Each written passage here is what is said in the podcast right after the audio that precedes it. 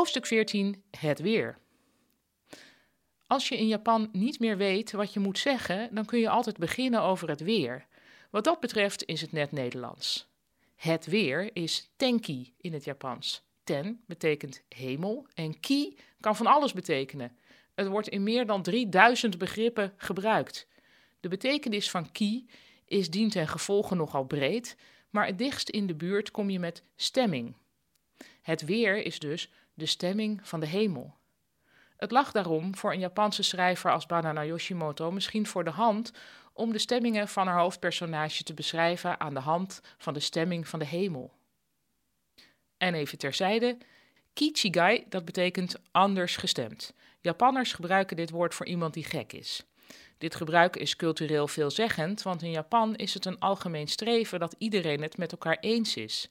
Kichigai is een uitgesproken negatief begrip. En ik geef in het boek ook uh, nog wat karakters waar ki in zit.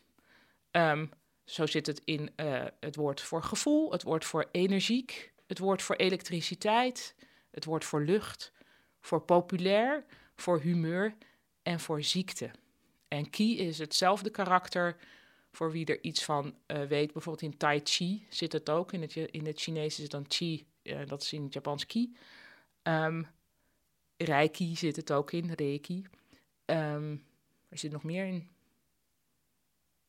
Nou ja, het zit in heel veel, het zit in heel veel begrippen, daar komt het op neer. Maar het heeft eigenlijk dus de chi, de, de levensstroming, energiebanen in je lichaam. Um, daar heeft het mee te maken. Een helder verhaal, Pauline. Dankjewel. Goed, morgen gaan we verder.